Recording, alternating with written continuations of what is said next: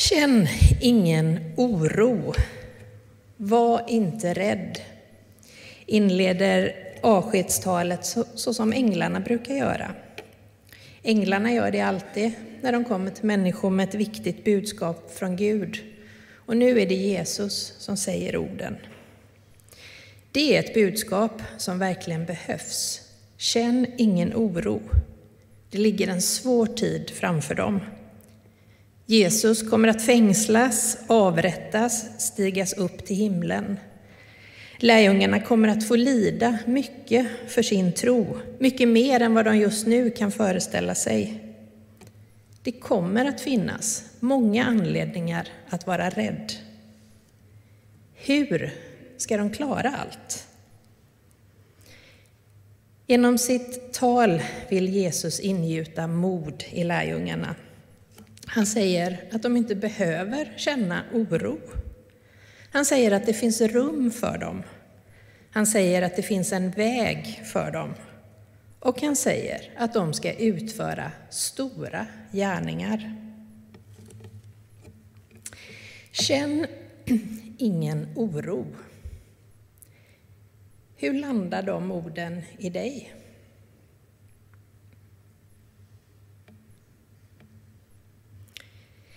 Kanske är detta Jesus ord ett av de mest attraktiva i vår tid. Ett av de mest tröstande orden och på samma gång utmanande orden med tanke på krig, det politiska läget i Sverige, i världen, de personliga bekymren vi står inför. Rakt in i detta säger Jesus, känn ingen oro. Orden går rakt in i hjärtat på mig. Och liksom kanske berör de flesta nutidsmänniskor egentligen, oavsett vad man tror. Nutidsmänniskor med ett alltför högt livstempo, som likt en liksom, centrifugur slungar ut oss i periferin och skapar distans till vårt centrum, till vårt hjärta, där Gud bor och där ju allt liv utgår ifrån. Förra helgen så hade vi konfirmationsläger. Och det jag har tänkt på det här året, och också den helgen, är att det ungdomarna ger uttryck för är en slags spegel av samhället i stort. De har återkommit väldigt många gånger till hur de kämpar med stress, prestationskrav, att inte duga, att det hela tiden förväntas lite mer än vad de egentligen orkar. Och de har uttryckt en längtan efter att Gud skulle bry sig om dem. En längtan efter att Gud ska hjälpa till och dela det komplicerade livet. Och det är det han inbjuder sina lärjungar till i den här innehållsrika evangelietexten som vi har fått lyssna till idag. Till en närhet att Jesus delar vårt liv. Till skillnad från lärjungarna så är ju inte vi förföljda. Men nog har vi oroat oss många gånger som om vi inte hade någon Gud. Så många gånger vi har burit morgondagens bekymmer alldeles själva, fastän vi vet att Gud vill hjälpa oss att bära. Känn ingen oro. Varför behöver jag inte känna oro? Vad är det Jesus säger egentligen? Ja, det Jesus gör är att han uppmanar till en aktiv bekymmerslöshet och att vi på alla sätt ska hålla oss nära honom. När han är borta ska vi tro, gå vägen, bli kvar i Jesus och älska varandra Anledningen till att vi inte behöver känna oro ligger just i detta, närheten till Jesus. Igår kväll kom jag hem från ett par teologidagar med temat I den andres blick blir vi till. Olika teologer, docenter och författare har bidragit med tankar kring ämnet om blicken och gett underlag för teologiska reflektioner. Med tanke på dagens evangelietext fastnade jag särskilt för en inledning av Mikael Kurkialas anförande utifrån hans bok När själen går i exil. Hans tema var att vara överallt är att vara ingenstans. Han menar att människan inte bara är en art utan också ett löfte som kräver en stödjande andlig kultur för att infrias. Men när livet betraktas som en marknadsplats och tempot skruvas upp drivs till slut själen i exil. Han frågade, kan vi bereda en plats dit själen kan återvända? Så delade han sina tankar om hur kyrkans riter, om hur goda vanor kan vara just en plats där själen kan komma hem igen från exilen. Och jag tänker mig när jag lägger ihop det föredraget med den här evangelietexten, att den platsen är de rum som Jesus lovar sina lärjungar och oss att han bereder. Rum, en plats där själen kan återvända från exilen. Ett rum där Jesus bjuder oss närhet så att vi kan leva. Det är den väg till liv han presenterar närhet. Jesus och Fadern har en stark relation. Det är en närhet som inte liknar något annat. Jesus säger i texten, jag är i Fadern och Fadern är i mig. Alltså allt Jesus gör kommer från Fadern. Jesus och Fadern är ett. Och nu tar Jesus avsked för att gå till Fadern och så beskriver han deras närhet med ett så, vardagligt, så vardaglig bild som ett hus.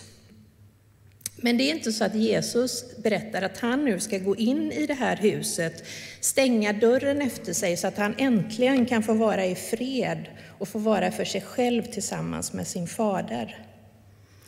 Nej, han gör allt för att vi ska få vara tillsammans med honom.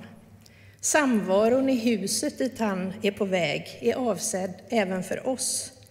Han ska själv komma och hämta oss till sig. Så viktiga är vi och han bereder rum för var och en. Filippos har nu en önskan till Jesus. Herre, låt oss få se Fadern sedan är vi nöjda. Det är allt vi begär. Det är nog för oss. Och Jesus svarar att den som har sett mig har sett Fadern. I Kolosserbrevets första kapitel står det Jesus är den osynlige Gudens avbild. I grekiskan används ordet eikon, E-I-K-O-N, och från det här ordet kommer ju ordet ikon. Ordet beskriver en spegelbild eller ett porträtt. Om en konstnär målar av en person så blir det en eikon. Gud, Fader, som är osynlig, blir synlig i Jesus. Jesus är ett porträtt, en ikon av Fadern. Och det är i Faderns hus som det finns många rum. Jesus bereder oss plats för att vi ska vara där han är.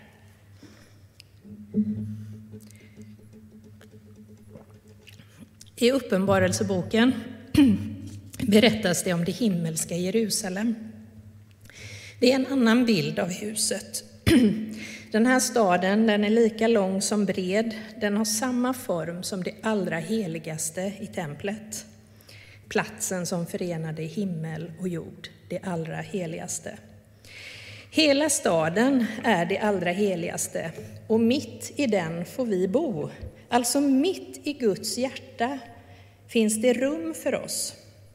Där behöver vi inte längre se som i en suddig spegel. Där får vi möta Gud ansikte mot ansikte. Vilken underbar beskrivning av närheten mellan Gud och oss. Att vi får placera oss mitt i det allra heligaste, där himmel och jord möts. Och vi fortsätter i texten. Efter att Jesus försäkrat Filippos och de lyssnande lärjungarna att han är i Fadern och att Fadern är i honom, talat om närhet, så rör sig Jesus vidare till tiden efter sin död och uppståndelse och säger, sannerligen jag säger er, den som tror på mig, han ska utföra gärningar som jag och ännu större. Ni kan ju föreställa er vad lärjungarna tänker. Först föll Jesus ner på knä, tvättade deras fötter som om han vore en slav. Och sedan sa han att han snart skulle lämna dem. Och nu säger han att han ska, de ska göra gärningar som han har gjort. De förstår nog ingenting. Vad är det för gärningar som Jesus har gjort och som lärjungarna och nu vi alla är kallade att göra? Somliga kanske skulle säga att Jesus gärningar är primärt hans mirakler, som när han uppväckte Lazarus från de döda eller när han botade den blinde mannen. Men nej, Jesus gärningar är att uppenbara Fadern, visa vem Fadern är. Jesus uppenbarar vem Gud är, en godhetens, förbarmandets och förlåtandets Gud. Jesus gärning är att skänka liv, och liv är relationer. Och vad var det för gärningar som de här lärjungarna kom att tänka på, alltså det där första som pluppade upp? Jo, det de precis hade varit med om. Det är en mycket annorlunda och märkvärdig upplevelse. Den senaste gärningen som Jesus hade gjort var att han hade tagit på sig en slavs uppgift och tvättat lärjungarnas fötter. Och när Jesus säger att vi ska göra större gärningar så handlar det om, tänker jag, att vara sysselsatt med samma saker som Jesus gjorde. Tjäna och betjäna. Då vandrar vi vägen till livet. Så lärjungarnas gärning det är att leda människor till den närheten, relationen med Gud, genom Jesus och att förmedla liv genom den heliga Andes gåva. Jag tänker att det är ungefär som det här citatet som jag gillar. Det finns människor som kommer in i våra liv och lämnar det igen. Det finns också människor som stannar en stund och lämnar fotspår i våra hjärtan. Och vi är aldrig mer de samma. Jag tänker att det var just det som lärjungarna erfor i mötet med Jesus. Livet blev aldrig mer detsamma. Fotspåren i hjärtat fanns kvar. Och så kan även vi lämna fotspår i varandras hjärtan. Fotspår som gör att livet faktiskt aldrig mer blir detsamma. Det är det jag tänker att det betyder att leva i Jesu efterföljd och utföra hans gärningar. Att ge goda avtryck i varandras hjärtan. Och till sist så tillägger Jesus, allt ni ber om i mitt namn, det ska jag göra. Och då tänker jag, Ja, varför inte? Det är klart att vi då ska be till Jesus att vi får utföra hans gärningar. Genom oss så blir Gud närvarande på jorden och i människors liv. Och om nu Jesus har lovat att när vi ber så ska han göra det, så det är klart. Låt oss be att vi skulle få utföra Jesu gärningar, lämna fotspår i någon annans hjärta. Känn ingen oro, säger Jesus till oss alla. Och jag tänker att om han nu har en sådan omsorg om mig, om oss, så finns det egentligen ingenting i världen att vara rädd för. Tilliten växer fram genom centrering och närhet. Det finns inget mer konkret uttryck för det i kyrkans ritualer än nattvarden. För dig utgiven, så som brödet och vinet förenar sig med vår kropp, så nära kommer Jesus oss och sänder oss sedan ut från nattvardsbordet med denna närhet i våra hjärtan för att tjäna honom med glädje. Varför behöver vi inte känna oro? Ja, utifrån texten, för att Jesus är nära oss och delar vårt liv och världens liv, knyter samman nuet och evigheten och bereder rum för oss och alla människor.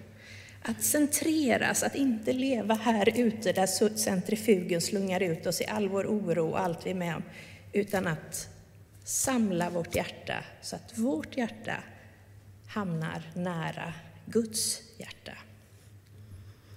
Om den här intima och nära gudstilliten tycker jag att Thomas Boström bjuder oss till på ett otroligt vackert sätt i en text som han kallar trosbekännelse. Och jag läser nu den texten.